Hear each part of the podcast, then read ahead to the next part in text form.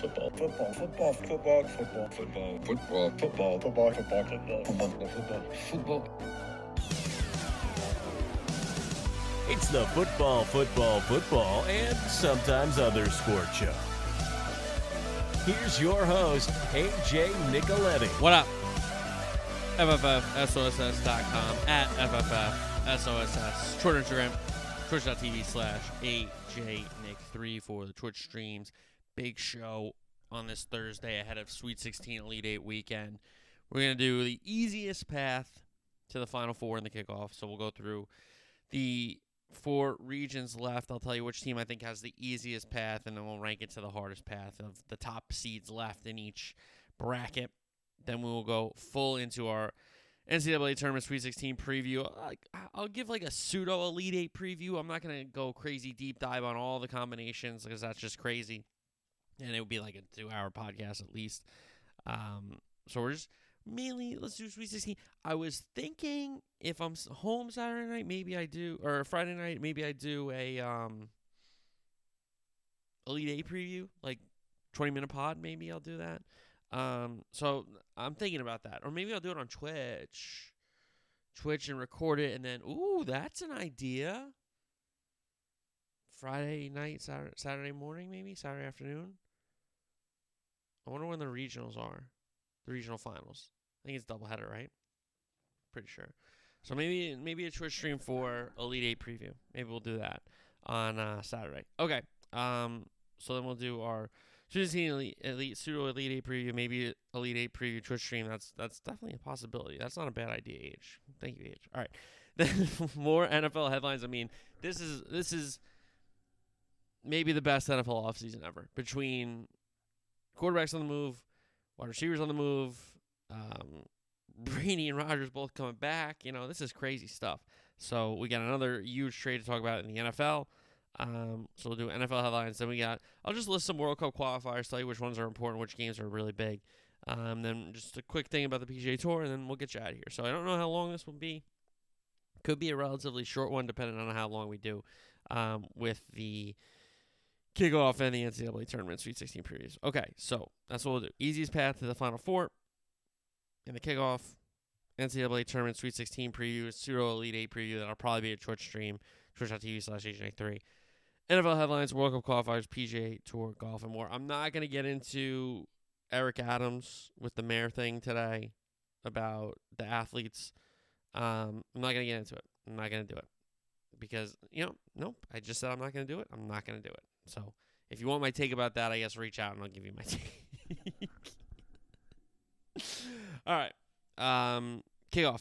Easiest path to the final four. Let's start with the East, which I think is the easiest because it's wide open. Purdue is the favorite, taking on St. Peter's for sure. Um, but then they got a blue blood b- battle in the other game between UNC and UCLA. And though, besides the Midwest, okay, um, where the either Kansas or Providence is going to get a double digit seed no matter what, this East, I think, is a little easier specifically for Purdue than it is a Kansas because Kansas has to play Providence, Purdue has to play St. Peter's. And yes, St. Peter's is a great story. They're going to play hard. They're going to give Purdue a game. But when we get into that preview, I'll just tell you why I think Purdue will just be too much physically um, against the MAAC school. So I think the East is absolutely wide open. Purdue is the favorite, and whoever survives UNC UCLA will have a shot at Purdue or St. Peter's. I mean, if St. Peter's ever pulls it off, but I think the run ends in the Sweet 16 for the 15 seed. But UNC UCLA is a great game. Okay, that's a great game, and that those teams against Purdue is a great regional final. One of those teams versus Purdue. So I think the East, by definition, is the easiest for the top seed left in Purdue because they're playing a 15 and then they get a 4 or an 8. Now, are these teams better than their seeds? Yeah, of course. But that's just how we have to, you know, rank them. So from the East, we go to the Midwest. Kansas, if they get by Providence, will have a double digit seed in a regional final. Either a Iowa State team that battled hard in the Big 12 and look at where they are now, or a Miami team that was in a down ACC but found a way to get into the tournament and found a way to win two games. So East and Midwest are the two that you can kind of go back and forth on just because of the first game versus the second game. I think Kansas has a tremendously difficult first game here in Providence, and they have a slightly easier game if they beat Providence in Iowa State and Miami. Now, easier with eight teams left doesn't mean much, but it does mean something. Okay, it does mean something. Uh, Kansas would get that kind of team because they're not thinking they're going to get that type of team right now, right? So Kansas, if they get by Providence, have a double digit seed in the regional final. That is a easier path than the other two brackets, the other two regionals, which the South and the West. I think Arizona in the South has the second hardest because Houston looks really great. And if they do beat Kelvin Sampson's Houston Cougars, well, guess who you see in regional final? Either Jay Wright Nova, which is they're, they're a great team, and he's molded this team since winning those natties that they are going to find themselves in these games, in regional semifinals, in regional finals, in final fours. They believe it. They have this winning pedigree. There's still players left over from some of these runs, and it's just the culture that they instill in Nova, right? So they either get Nova, or if Michigan beats Nova, Michigan like a bat out of hell here in this tournament. Okay, being down at half in both these games against Colorado State and against Tennessee, turning them both around in the second half, basically without their point guard Jones, who was missed the first game and was in the second game but got hurt by his own guy, right? So Arizona has the second hardest to me because Houston looks really, really good for this regional semifinal. And then if they get past Houston, Nova, who I think still winning the whole thing, by the way, or a very, very hot Michigan team that is believing in themselves.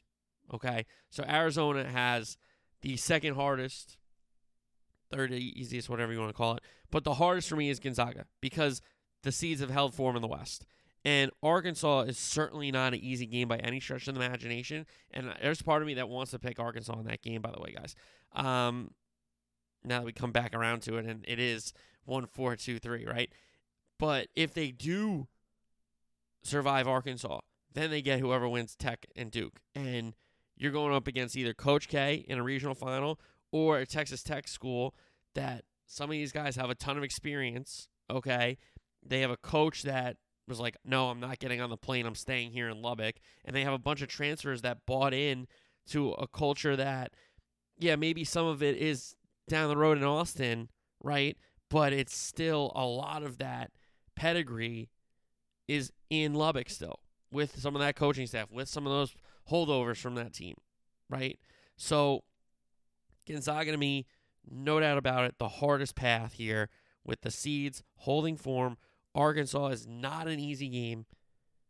And then if they do beat Arkansas, Texas Tech Duke, either Duke's going to score and look great, or Texas Tech's going to hold Duke, and defensively, you're going to be like, how are we going to score on these guys? So I would rank it East, Midwest, South, West in the terms of the top seed left having the easiest path to the Final Four. Purdue has a 15 seed in the Sweet 16. Yeah, St. Peter's is a great story. Don't get me wrong, but they have a 15 seed in in the regional semifinal. Okay, and then they will take on an eight or a four. Okay, you're supposed to take on a two. You're supposed to take on a one for them because they're the three, right? They're supposed to play two right now. So easiest for me is the East. Second is the Midwest because they would have a double digit seed in that second round, or not second round, the regional final, sorry. Kansas, Providence, winner of that game has a double digit seed. That they're a better team than. And all they got to do is play good ball. And they should do it, right? Because if Miami or Iowa State plays their best game and Kansas Providence plays their best game, guess what? Kansas Providence is going to win. And that's not a knock on those other teams, but they're not as talented, they're not as well coached. And that's just the reality of the situation. Um, the South, then with Arizona, Houston is really, really good. And I have I have not underestimated them, but I kind of figured, you know, Sasser and Mark get hurt. Yes, there's some really good players there still, and Sampson Sampson can coach. But I was like, okay, maybe they fade a little bit here. They've done the opposite. They find themselves at another regional and have an opportunity if they do knock off in Arizona to play to get to another Final Four in back to back years, right? So South is the second hardest, and then the hardest has to be Gonzaga out of the West. So East wide open for Purdue, 15 seed in the regional semifinal. Blue blood battle in the other regional semifinal here in Philly, but UCLA, UNC, they will be underdogs to Purdue. They will be, if I'm not mistaken. Midwest, Kansas, if they get by Providence, or if Providence even gets by Kansas, they will have a double digit seed in the regional final. So that's very rare. I, I think that's an easier, okay, bracket than the South and the West. South is the second hardest for me. Again, for Arizona to take on a Houston team that looks really good, and then if they win that game, Nova or a red hot Michigan um, is slightly easier than the West with Gonzaga and the seeds holding form. Arkansas is not an easy game, depending on how we line up here, and I'll get to this preview in a second. And then Gonzaga wins or Arkansas wins, they take on the winner of Texas Tech Duke, which is either going to be a Duke shooting fest or a Texas Tech defensive struggle. So uh, get ready for that regional final out west. Okay, so speaking of the West, let's get into our Sweet 16 preview. And we start in the West, and it's Gonzaga, Arkansas. And I think the story of this game is will the Gonzaga bigs in Timme and Holmgren play a bigger role than the Arkansas guards, you know, in Notae and, and Davis and Lykes and you know, I, I don't want to say Toney and Umude here because they're kind of forwards and this is like the first, you know, who guards who? You know, what what coach between Few or um, the Muss Bus, Musselman, who's gonna kind of bend and break and be like, well, is it is it Gonzaga that's gonna maybe play Timme and Holmgren not at the same time, you know, to start this game, or is it Muss who tries to put Jaylin Williams and another big in there to match the two bigs for Gonzaga? Does he try to get um, Toney or Umude to play the bigs? You know, wh- which guards play the best is also a huge factor here because the Gonzaga guards are, are pretty good as well. You know, Nembhard is a heck of a shooter. Um, Strawther is good. Bolton makes a ton of threes, and he makes them at a great percentage. So, you know, if he shoots it, if he gets an open look, you think it's going in. But again, I think if Notae, like Notae could be the best player on the floor here if he takes over a game, if he drives it right at Holmgren, if he drives it right at Tim, he gets them in foul trouble, you know, fouls and how this game is officiated is going to be huge because Arkansas loves to be physical, especially on the defensive end. And if it's a tight whistle, you could see a JD Notae sit for the entire first half if he gets two quick fouls. You could see a Jaylin Williams sit if he gets two fouls in this game. So, you know, there's got to be a DEFCON 5 game plan for Musselman because does he go to the big? Um, was it Vanover, right? The the other big that really hasn't played this year, you know. So for me, this is a really really interesting strategy game. Um, again, I think it's which best player plays best, and I think that's really easy analyzation, but it makes sense here because if JD Notae is pulling his weight for the Hogs and making bucket after bucket and tough shots and spreading the ball around, and Toney hits a three, and Mude hits a three, Davis has a big game, Jaylin Williams is taking charges, whatever. Arkansas is in this game for 40 minutes. Whereas if you know one of those guys gets in foul trouble and Holmgren and Timme don't, I don't know if Arkansas has a ton of answers for two seven footers like that. So again, for me, it's whatever style wins out wins this game. Is it going to be the bigs of Gonzaga or is it going to kind of be the wings and the guards of Arkansas? Because, you know, Arkansas is a really, really tough team. They're a really, really good team. They make a ton of free throws. They shoot it pretty well. Um, they play pretty good defense. They're physical. There's a lot of good things about Arkansas, but they're not that big. Yes, they are athletic, but they're not that big overall. Um, so is it Gonzaga who just keep throwing Timme and Holmgren at them, keep posting them up, uh, keep running sets for them and high low ball, high low post, you know, those kind of big man to big man passing plays. I think this talking point for this game has to be for me is the, the Gonzaga bigs or is the Arkansas wings and guards um, that plays best. And I think whatever group plays best and stays on the floor and, and can play for as many minutes as possible wins the game. Arkansas can absolutely win this game. Timme Holmgren getting a little foul trouble. Gonzaga has to match Arkansas going small. And Gonzaga has some really great players, but Gonzaga plays at Gonzaga style. Gonzaga doesn't really adapt. You know, they make you try to adapt. Few does a really good job of, yeah, making some adjustments in game, but they want you to play at their pace. They're not really going to play to your pace or your style. So I, like, there's no way um, we get game time and Holmgren's not in the starting lineup. You know what I'm saying? So um, I think both bigs will be in there early, and it's going to be a chess match to see, okay, who's guarding who.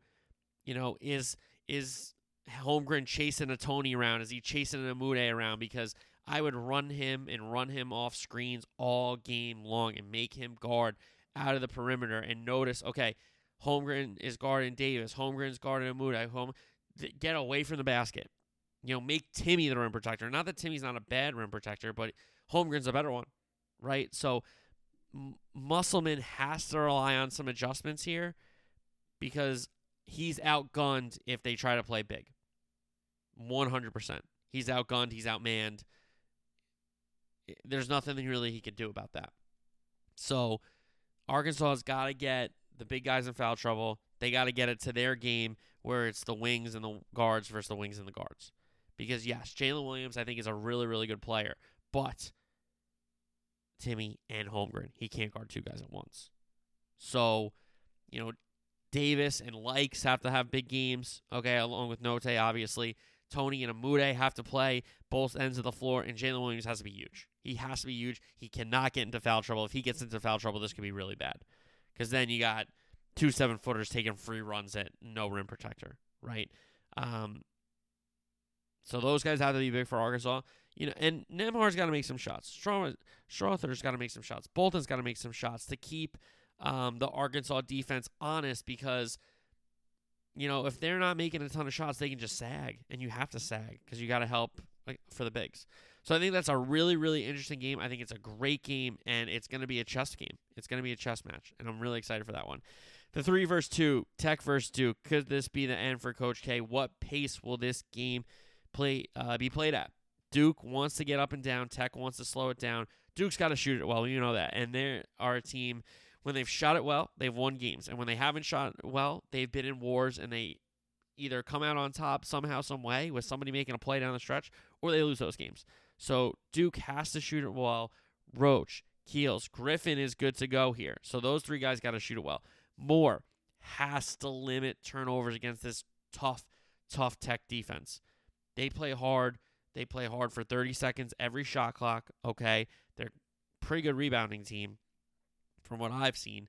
So I think Moore has to limit turnovers offensively. So he's kind of, you know, because Paolo's obviously the X factor. I'll get to Paolo in a second. But offensively, if you said, okay, yeah, Paolo, we know, but what's the what's another, you know, big thing that Duke has to do? Wendell Moore's got to limit turnovers, and then defensively, Williams has to be the rim protector and and rebound. He can't get into foul trouble. Yes, Theo Johnson's a nice backup big, but he's a backup big for a reason, and that's not a knock on him. Okay, but Williams is outstanding. He's a rim protector, and he's got to rebound the ball. If he can't get the block, he has to still box out. You know, getting a block is big, but if you go for a block, don't get it, and then give up an offensive rebound, that's worse than trying to go for the block, right? Um, and to continue here for Duke, Banchero is the X factor. You know, we saw him at the end of the Michigan State game take over, hit some big shots. The ball was in his hand, made some plays, tough drives to the rim, all these kind of things. You know, made the passes when he needed to. But Banchero is the X factor. If he is the guy that is driving Duke um, positively in this game, he's getting bucket after bucket. He's making the right play. He's not being um, too selfish, but he's not being, uh, you know, unselfish. Right? He's he's getting his when he has to. So. Banchero for me is absolutely the X factor in this game because you look at the Texas Tech side. Okay, Shannon and McCullar have experience in this tournament. Okay? They are tested. And they play in a really good conference that gets tested. And then you got a bunch of transfers coming in. Williams, Obanor, you know, Warren and Arms are good guards. So Texas Tech certainly has enough to pull this off. And end Coach K's career in the Sweet 16 in, in a regional semifinal. Because if they play it at their pace, you know, similar kind of, it, it's not as much pacey in that first game with Gonzaga, Arkansas. It's more stylistic.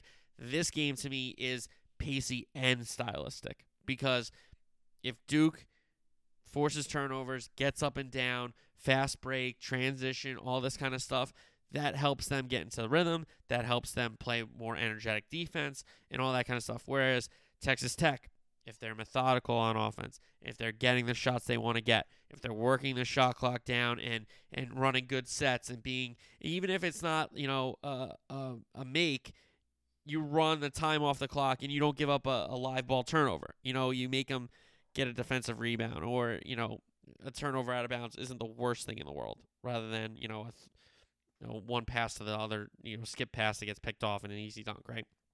So Duke for me has to shoot it well because I don't know if they can win a game at Texas Tech's pace. Now we saw Texas Tech put it up in the first round of this tournament and shot it fantastic percentage and, and made a billion threes. I think the student manager even had double digits in scoring, but this is a different Duke team. So if it's played at Duke's pace, I think Duke wins. If it's played at Texas Tech's pace, I think Texas Tech wins. I don't think either team is a favorite of playing at the other one's pace. You know, Texas Tech did pour it in in that first round, but now we're talking about Duke in a regional semifinal.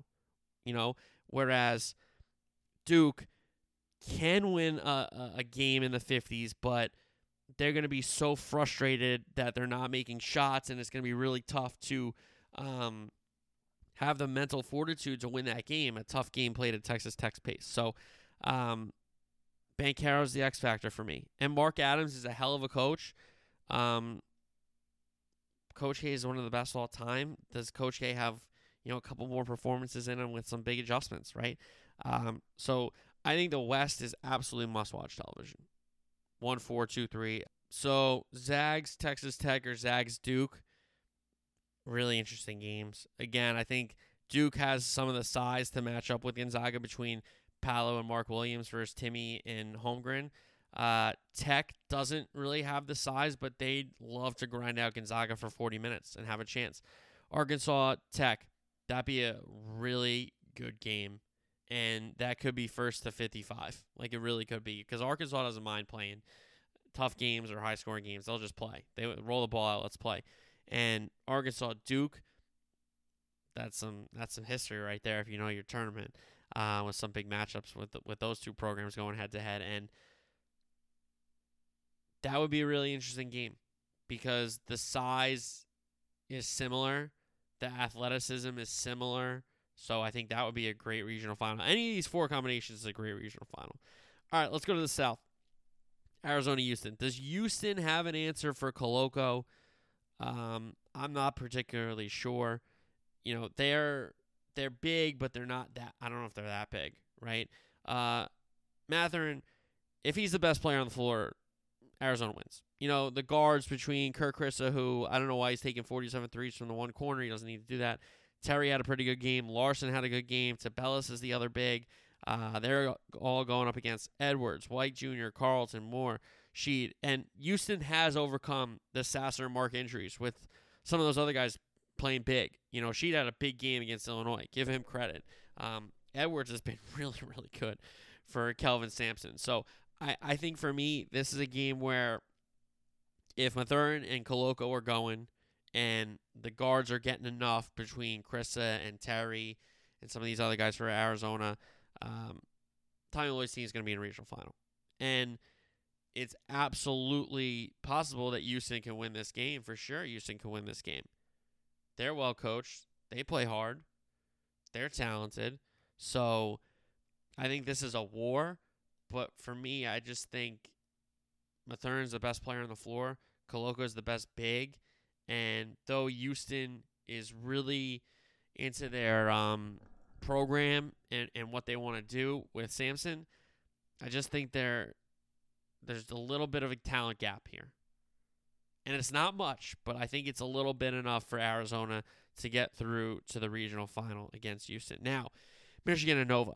I think the biggest question mark for this game is Jones' status for Michigan because I don't think you beat Nova without multiple experienced guards. Okay, because when I list this Nova team and these six guys, you know, yeah, Slater's still young, but he's played some big minutes for them. But Gillespie, Moore, Daniels, Samuels, Dixon, that is such a good five. That is such a good five because Daniels can handle the ball, but he can play the three. Justin Moore might be one of the most underrated players in the country. All this guy does is make play after play after play, offensively, defensively with deflections, uh, you know, screening on offense away, making a dribble drive, hitting a big three, pulling up jumper, finishing at the rim, making free throws. And you know I love Gillespie. So um, for me, this is a Samuels Dixon game for Nova because they have to match Dickinson and Diabate. Because if I was Juwan Howard, I'd say, "Hey Nova, you're great with the guards. We got some pretty good guards ourselves in you know Brooks and Houston, um, and hopefully Jones. But how are you going to defend Dickinson and Diabate? Samuels is is lengthy, but he's not huge. Dixon is good, but he he, he hurts you a little bit on offense um, with what they want to do and play five out a lot of the times. But he can, you know, he can step up and make a three. You saw Gillespie trusted him against Ohio State to make a big three there late in that game. But for me, number one in this one, what is Jones' status for Michigan, the transfer point guard? And then two, how Villanova defends Dickinson and Diabate because again, similar to the Gonzaga stuff, I love Villanova's roster, except when they have to go against multiple bigs. Because Dickinson is outstanding. I think he's one of the best players in college basketball. Diabate is still kind of raw, but his natural ability, once he figures out to get polished and post moves and all, he's he's an amazing athlete. He is an athletic freak. So Dickinson Diabate against kind of Samuels Dixon. Can the Nova Bigs hang? Can they stay out of foul trouble? Can they play smart defense? Because there, there's going to be times where they get backed down by Dickinson. There's going to be times when they get dunked on by Diabate. Can they stay patient? Can they make the big play on defense with a deflection or a tip? Not foul, stay straight up. They're going to get buckets against you. And I think Jay Wright does a great job of saying, hey, we're not going to win the game 20 to 0. You know, we're going to give up points. That's just the way the sport is. But let's not give them easy ones and let's not make it harder on ourselves with getting into foul trouble, right? So, Jones stats for the game, the bigs um, matching up, and then because if Jones is out, the Villanova guards have a big advantage. And I love Eli Brooks. I think he's an outstanding player. You know, I like this Michigan team a lot in this program. Brooks has been a big piece of it recently. Okay. Houston's not a bad player. What's Collins' role here? Because Collins came into that first round game when there was no Jones and really helped them get back in that game and take a lead and do all the stuff they needed to do against Colorado State, Michigan. But to me, this is a Gillespie Moore game. Okay, yes, Samuels and Dixon are kind of outmanned, outgunned a little bit with Dixon and Diabate, but it's not like that's a surprise. Jay Wright will know that. Um, I could see them running five out stuff to keep the rim protectors out of the paint. A lot of dribble handoffs, a lot of screen away kind of stuff, keep the paint clear. And if you can drive it after a dribble handoff, get to the rim and, and make a layup, you know. And if the help comes, kick it to a three, kick it another pass three, you know. So uh, rotate the ball, all that kind of stuff. So I I love this is another great game. You know, I I I'm very excited for this weekend's games. I, I and I think we're going to get great regional finals out of whatever matchups we get. Intriguing regional finals after whatever uh, uh, from whatever matchups we get, but these regional semifinals games on Thursday and Friday are going to be great games. Great games, hopefully. Um, so then we have Zona Nova, Zona Michigan, Houston Nova, Houston Michigan. I think again, Nova to me is coming out of this bracket. Nova to me is winning the whole thing. So yes, Koloko is huge, right? And Mathurin's really good, but this Nova team is really good too. Now, if Michigan beats Zona, hey, Michigan has the bigs to play with Koloko and some of the other bigs from Arizona, right? Um, if Houston gets past Arizona, they'll have a similar problem with Michigan with Michigan's bigs, but I think a Houston Nova game would be an awesome regional final. That would be a sick regional final with all the talented wing players there. All right, um, from the South to the Midwest. Kansas Providence. I think this is one of the better games of the Sweet 16. I mean, uh, I Providence has so much going for it between winning close games, shooting it really well last weekend, specifically in that you know second round game, in the round of 32. Um, but how about Kansas? Because you know we know Agbaji and, and Braun, Br- Brown. I keep saying Braun, Brown. Um, Wilson's a good player. McCormick's the big, but Remy Martin these last few games has just shown up and been the guy that they want him to be, and the guy that was thought was they they said, okay, Remy Martin's in the transfer portal. Let's Bill Self, get him here, get him here, get him, get him to Lawrence, get him to Phog Allen, get him here, and you know it has it's kind of been a disappointing season for Remy, and it's it's really injuries that have held him back, and I don't blame him at all. You know, with Coach Self, you know, being careful with him because this is why they got him. You know, to be a difference maker in March, to to have the playmaking ability, to have you know Brown not have to handle the ball, Agbaji not have to handle the ball, some of these other guys not have to handle the ball, and he can handle the ball. He can get his own. He can make the right pass. He's a good athletic defender when he wants to be. So Remy Martin has helped this Kansas team tremendously, um, specifically these last two games. Now, when you look at Providence, these six guys can really play. Okay, and I know there's a couple guys that are, are on the lower end of this rotation, but it's really six guys for Coach Cooley. And Reeves, Durham, Bynum are the guards. Bynum comes off the bench most likely, but he's a closer. Okay. Watson is one of the better bigs in the country that nobody knows and nobody talks about unless you watch the Big East. Okay. He's outstanding. He's a great rim protector. He's a physical presence on the boards, defensively and offensively. The glass there. Horchler's a really good four. You know, Horchler has a future for me because he can shoot it.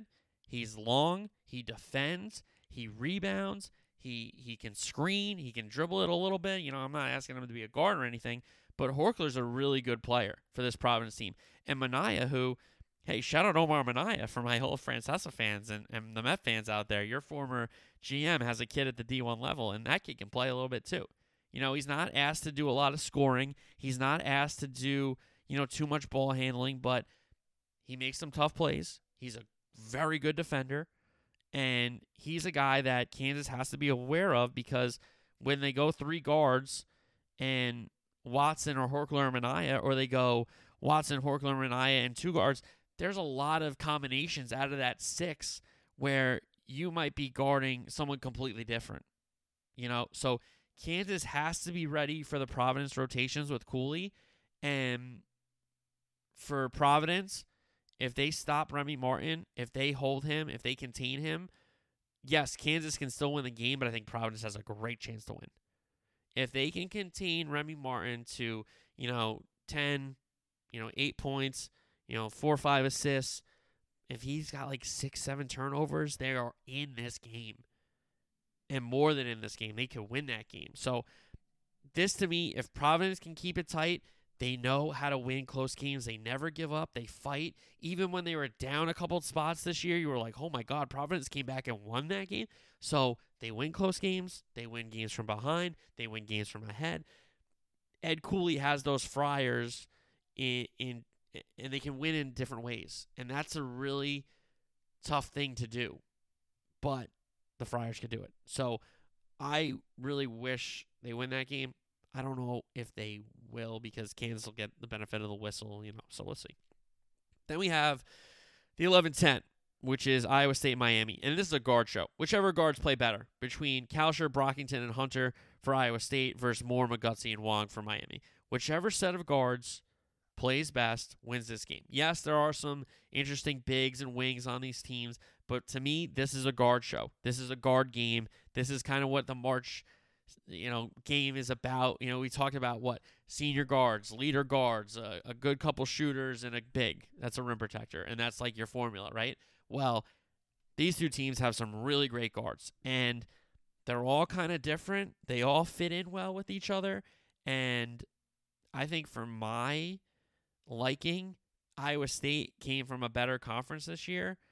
And though, you know, I think Miami's a better team, I think Iowa State wins this game. Uh, Larrañaga is a good coach. Don't get me wrong. And uh, the first year coach for Iowa State, I always butcher his name. I don't want to butcher his name, TJ. Um, but he I think he really has this Iowa State team believing in why not us, that kind of stuff. Because, yeah, Miami can too, but Iowa State was kind of, well, they were left for dead last year with two wins. But that program came back from the dead this year. Um, tough, very, very tough conference. Beat you up game in and game out. Whereas the ACC was not this year. And, you know, yeah, the top teams in the ACC were pretty competitive, but night in and night out in the Big 12, you're probably going to get a war, right? And Iowa State's not one of these top teams, so they're playing another top team, right? Um, so we could get a Big 12 matchup in this regional final if Kansas and Iowa State both win. Uh, Kansas Miami is obviously a possibility, and Providence, Iowa State, Providence, Miami.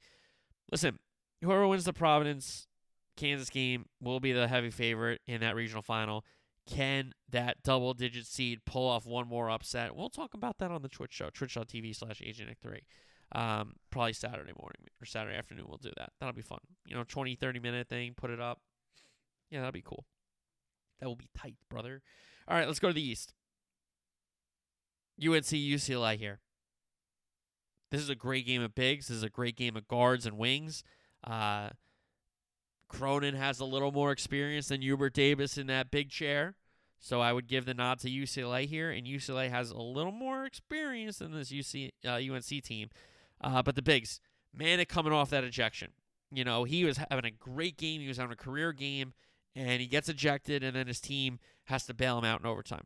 Right, him and Bacot versus Cody Riley and Myles Johnson. Okay, these guys big versus big. I'm really excited to see these matchups. You know, they can all they all can Manek can really step out out of the four of them, but Riley and Johnson have good post up games and face up games. We know Bacot is an excellent post up player, right? So the bigs is a great matchup, and then the wings and guards. I mean, between um, Tiger Campbell's been outstanding for UCLA. Bernard's had some big shots. Johnny Juzang's been good. Um, Jaquez, like his injury, he was walking the other day. No boot, no nothing, no crutches. So, uh, to my inkling, he's going to play.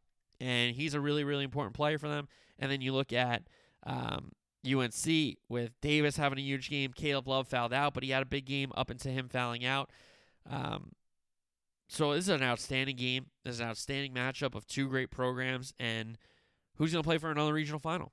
Who's going to play for an opportunity to be in New Orleans in a Final Four, you know, national semifinal. Um, I think UCLA has the pedigree of this current team, but this could be a huge push for UNC and Hubert Davis. And I think they know that because when you give up the when you give up the reins as a legendary coach like Roy Williams did and you hand it over to one of your assistants, like it's not the same program anymore until that assistant proves they can, you know, win and be in these big games and, and find a way to win, you know, and, and have the alumni trust them to put more money into the program and have more kids come with recruiting and all that kind of stuff. So this is a huge opportunity for Hubert Davis to maybe be ahead of schedule a little bit in this reload of UNC with uh, Roy Williams stepping away. But for UCLA, listen, they've been here. And mainly this entire team has been here. And Tiger Campbell – who they needed to make some big shots, okay, um, in those games against Akron, in those games against St. Mary's in the round of 32, Akron in the round of 64. He showed up and made some big plays. And Juzang is a great player. And these guys can do isolations and they can get their own shots when they have to, but they're so much better when they're running sets. I think everybody knows that. So um, that's an outstanding game. That is an outstanding, outstanding, outstanding game, and I, I can't wait for that one. These games are great, guys. I, have said it before. I'll say it again. These games are going to be awesome. Hopefully, we get some buzzer beaters. Hopefully, we get some overtime games, back and forth, one possession games to the end. And then we have our last game of the Sweet 16. 3 Purdue, 15 St. Peter's, the, the heart of Jersey City. Does the Cinderella strike midnight? Adolfo Banks, Edert, either have to stay hot to stay alive. They have to make jumpers. They have to be in this game. I don't foresee a St. Peter's 10 point comeback to get it to two. I don't see a game where they're trailing by 12 and they ever cut it to six. I think this has to be within eight, really, the whole way if St. Peter's is going to pull this off. Because yes, Purdue, there have been some scoreless minutes for them, but then they can just defend. You know, they can just have Edey and Williams in the game at the same time and just be like, okay, we'll just post you up, you know, to break out of this shooting slump. So to go off that, does St. Peter's have an answer for uh, uh Edey Williams front court? And they do, but I don't think it's an experienced one. You know, looking at their roster, they got some guys that are 6'10. They got some guys that are 6'9 and 7 feet, but they're young. They're freshmen. They're sophomores. They haven't really had these the the the the playing time to get used to the D1 level, and you're just going to throw them up against two of the best bigs in the country in Edey and, and Williams. So I think it's a really, really tough matchup for St. Peter's. If we are talking about another team here for St. Peter's that was a little more guard heavy, that um, maybe didn't have a couple big men, maybe just like one big man, not two, I could say, okay, talk me into St. Peter's, shooting the lights out, being a Cinderella still, and, and keeping this run alive. But not only does Purdue have Williams and Edey, they have Ivey and Stefanovic and Hunter Jr. and Gillis. And, and Hunter Jr. and Gillis are great, great role players. They're outstanding role players. And Ivey is the best player on the floor out of a lot of gyms he steps in into, right? So, and Stefanovic is the best shooter that he steps into a lot of gyms, right? So, again, those four between the two in the front court, Edey and Williams, and Ivey and Stefanovic, and whoever you want to play with them, you know, Hunter Jr. or, or Gillis, whoever you want to play with them as the fifth there. That's a really hard five to keep matching up with for 40 minutes, especially if you're undermanned. Now, can Shaheen Holloway coach his butt off? Absolutely. Will the St. Peter's Peacocks play hard? Absolutely. But again, I don't think they can have this game get to a 12 point deficit, a, a, a 10 point deficit. This game to me has to be within six, has to be within eight, because Purdue could pull away. Where Kentucky didn't in that first round, I think it was 68 62 or 68 60, right? And then St. Peter's went on a run to stay to get back in it. But we're like under four minutes in that game, and Kentucky started to get some buckets and some stops, and St. Peter's like, no, no, no, no, no, you're not going anywhere, right? It's got to be the same thing for me, for them to continue this run.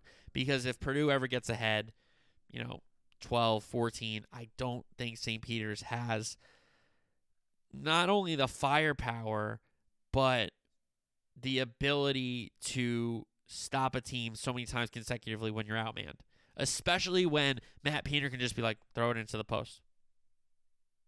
They're going to double you, find the open man, make a three. You know, like throw it into the post of Williams. Give him that, that pump fake shoulder. Give him the offhand shoulder, right? So Purdue can slow it down, especially if they're winning by 12 or 14, and it's just like move the ball. Okay, throw it into the post with seven seconds left.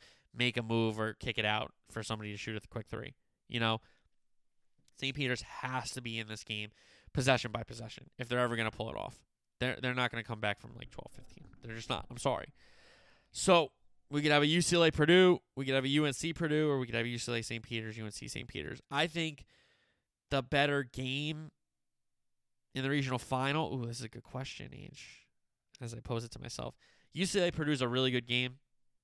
A lot of experience, a lot of great players. UNC Purdue might be better for the big man matchups, but the wing matchups would be sick in UCLA Purdue.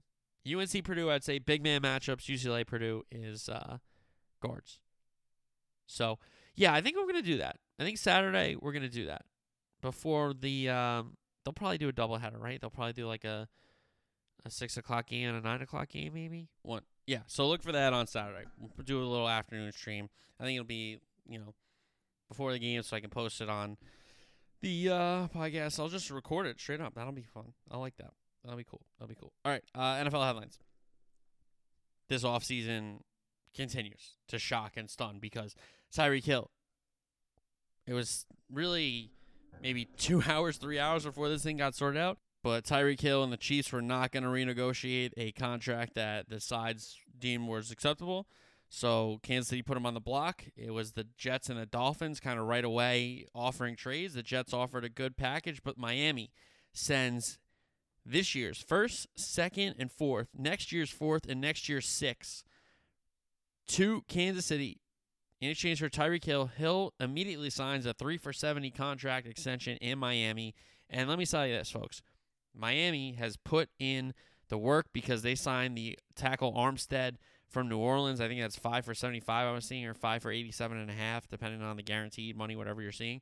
So the Miami Dolphins have invested between their head coach, between their offensive line, between their wide receivers in Tua Tagovailoa, and this is a huge year for Tua. And as a believer in Tua, uh, I hope he plays really well because I want to see him um, beat the haters. I don't like I don't like haters being like, oh, I don't like that. I don't like that. Um, so good luck to Tua this year, Miami. And we'll talk about this as the season, you know, as the off season rolls on and towards the NFL season. Hey, it's different when you have expectations. Okay, it's different when you have expectations. Then you're like a flash in the pan kind of team. So Tyreek Hill to the Dolphins, a huge uh, amount of picks picks going back to um, Kansas City, and they'll probably use a couple of those picks on wide receivers because right now their number one receiver is Juju Smith-Schuster. So not that that's a knock on Juju, it's just not Ty- he's not Tyreek Hill. That's for sure. That's for sure. All right, um, landing spots for Bake: Seattle, Carolina, Houston, possibly Atlanta. You got dark horses involved in, in Pittsburgh and Detroit. I don't think Detroit because I think Campbell likes Goff. I, I think they kind of formed a little friendship there, you know, and a little bit of kinship between the head coach and the quarterback there. Pittsburgh is interesting. Would Cleveland ever trade him to Pittsburgh? You know, I, I don't know. I don't know. That would be a great like what if he just goes off and is the next best Pittsburgh quarterback and you traded him to him from your team, you know? Um I, I it's that's interesting. So Pittsburgh is more of a uh, is less of a dark horse than Detroit for my liking, but it we I've seen stranger things. We've seen in this offseason. Seattle, are they going to go with Drew Lock? Are they going to draft somebody? You saw Pete Carroll wants Geno back to be the backup or compete for a starting role. I don't know if that really makes sense to me, but I think Seattle is certainly a landing spot. I think Carolina is done with Sam Darnold, and I don't necessarily blame them because Sam hasn't been healthy, and when he's been healthy, he hasn't been that good. Um, and I like Sam Darnold, and I liked him back to USC, but at some point you got to say, "Hey, Sam, you might stink, dude." You know, Houston, Houston's looking for a quarterback. He just sent Bake down there for Cleveland. Um, you know, Davis Mills showed you something this year. Do you believe it enough that he can be your guy going forward? You're trying to compete in that division and rebuild. Houston could use a quarterback. We know Atlanta just signed Mariota, but is that uh, for packages? Is that to be the starter? I think it is to be the starter, but if you're Atlanta, you can go get Bake for a, a cheaper price. That guy's a former number one pick, and he can play. Like Bake can play. He's just been really, really hurt, and he thought the team would do right by him if he was playing hard. They were going to defend him, and you know, playing hurt and hard, they haven't done that. So, um, I would rank like Seattle, Carolina, Houston more than Atlanta, uh, Pittsburgh, and Detroit for me. If we're looking at landing spots for Bake, and I hope he does well. I really do. I hope he goes somewhere and does well and is a starter again. Because if you know anything about the history of me doing podcasts, guys, like I was early on Baker, like very, very early. Okay. Uh, the Rams are close to bringing back Aaron Donald Odell Beckham Jr. They're talking to Bobby Wagner, which they they don't really have a good middle line. Like they have some linebackers, but those linebackers aren't really the stars of their defense. It's really about the guys up front and the guys out in, in the back for the Rams. But if they bring Bobby Wagner in, like that guy can still play and give you some big snaps. So that'd be a good um good addition for their defense for sure. We talked about on Tuesdays that Darius Smith was in Minnesota after the deal with the Ravens fell through. So he's in Minnesota. And what's really smart about what the, a lot of these teams do, once they get you on your on like in the facility, they usually don't let you leave. In in the sense of, hey, we're gonna offer you a contract that you're gonna end up signing. So you're not gonna go to another. You know, yeah, we know you have visits scheduled. You're not going to those visits. You're signing here. So Minnesota did that. Za'Darius Smith, three for 42, is the Vikings' newest pass rusher. Bucks re-signed Lenny Fournette for three for 21. Then we got some booth news. Al Michaels and Kirk Herbstreit will be the Amazon booth. That was, was rumored. You know, it could be Joe Buck. It could be Troy Aikman. It could be uh, Al Michaels. What about Tirico? What about Nance? Like, Nance was never leaving, obviously, because he loves the Masters. But point being, Al Michaels done at NBC. going to Amazon. Kirk Herbstreit will be splitting some time between college and the NFL. Okay, and Herbie and Al Michaels are the newest play-by-play team uh, for Amazon, who has the exclusive rights to Thursday Night Football. Now, NBC, which I think everybody kind of knew with Tirico signing there, and Al Michaels was, you know, getting older and, and going to move on soon. So Tirico will take over as the Sunday night booth, and most likely still Collinsworth um, as the color guy. But Drew Brees will be groomed for that role, and we know that he will be in that role uh, shortly after Collinsworth is done. All right, uh, soccer. We'll just kind of run through this. CONCACAF World Cup qualifiers, the first two rounds here of, the, of this um, break. Mexico and the U.S. men's national team at the Estadio Azteca in Mexico City with the altitude. No Weston McKennie is huge. Tyler Adams is on a yellow card, but Pulisic is in form. Chelsea, the Chelsea winger was in form for the London Blues, and he's got to bring that. And U.S. men's national team needs a result down there, and they need some more results to qualify for um, Qatar. So that's the first wave here. Uh, Jamaica and El Salvador is a good game. Panama, Honduras. I think Panama's in third. Costa Rica, Canada. Canada is a team that is trying to qualify along with Mexico and the United States. And then we have Canada, Jamaica, El Salvador, Costa Rica. U.S. men's national team at home will take on Panama and Honduras, Mexico um, in this first wave. UEFA, Europe, European games. Italy, North Macedonia, Portugal, Turkey, Sweden, Czech Republic, Wales, Austria. Um, which is South America, Brazil, Chile, Colombia, Bolivia, Paraguay, Uruguay, or Paraguay, Ecuador, Uruguay, Peru, Argentina, Venezuela. Then AFCON, which is playoffs. Egypt, Senegal, Ghana, Nigeria, Congo, Morocco, Cameroon, Algeria, Mali, and Tunisia. Tunisia. I love how they say Tunisia in England, so I like saying Tunisia. Uh, but Egypt, Senegal, my two guys going up against each other. Unfortunately, only one of either Mo Salah or Sadio Mane will be at the World Cup, which is unfortunate, but also kind of fortunate because uh, I'm a little selfish about that. If we're not gonna, I'm not gonna, I'm not gonna lie to you guys. I'm not gonna lie to you guys. Okay, I'm a little selfish about Mo Salah and Sadio Mane. I don't want, I don't need them playing 40, 70 games a year. Okay, sorry. I'm sorry if that offends. Um, then we got PGA Tour. So we got group play through Friday between uh, the Dell match play down there in Austin Country Club then Saturday is the round of 16 in the quarterfinal, and Sunday we have the semi and the final, and that's always fun to watch. Keep that you know flipped on during the uh, during the basketball for your commercial breaks because match play is very very exciting, and that course sets up really really well to um, for match play and for just some drama. So, all right, uh, Twitch stream on Saturday. We'll do an Elite Eight preview after uh, the things the uh, matchups get sorted between Thursday and Friday. So we'll do that on Saturday. I'll make a like a live stream Twitch podcast kind of a thing. So we'll do that. Um, but yes, enjoy the basketball this weekend. I think these are going to be great, great, outstanding games. Um, and hopefully we get some overtime games. Hopefully we get some buzzer beaters, and I think we will. I think we'll get some great games. The NFL offseason is going to go crazy again, I'm sure. But enjoy the basketball this weekend. Twitch stream on Saturday. I'll talk to you then. Hurry weekend. Peace.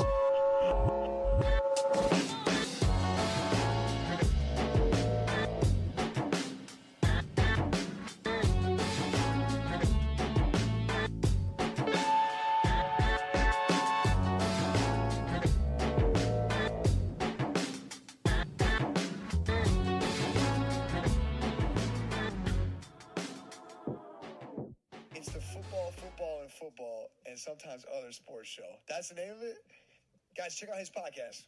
That sounds like my kind of podcast. Football, football, football, and sometimes other sports show. Sounds like me.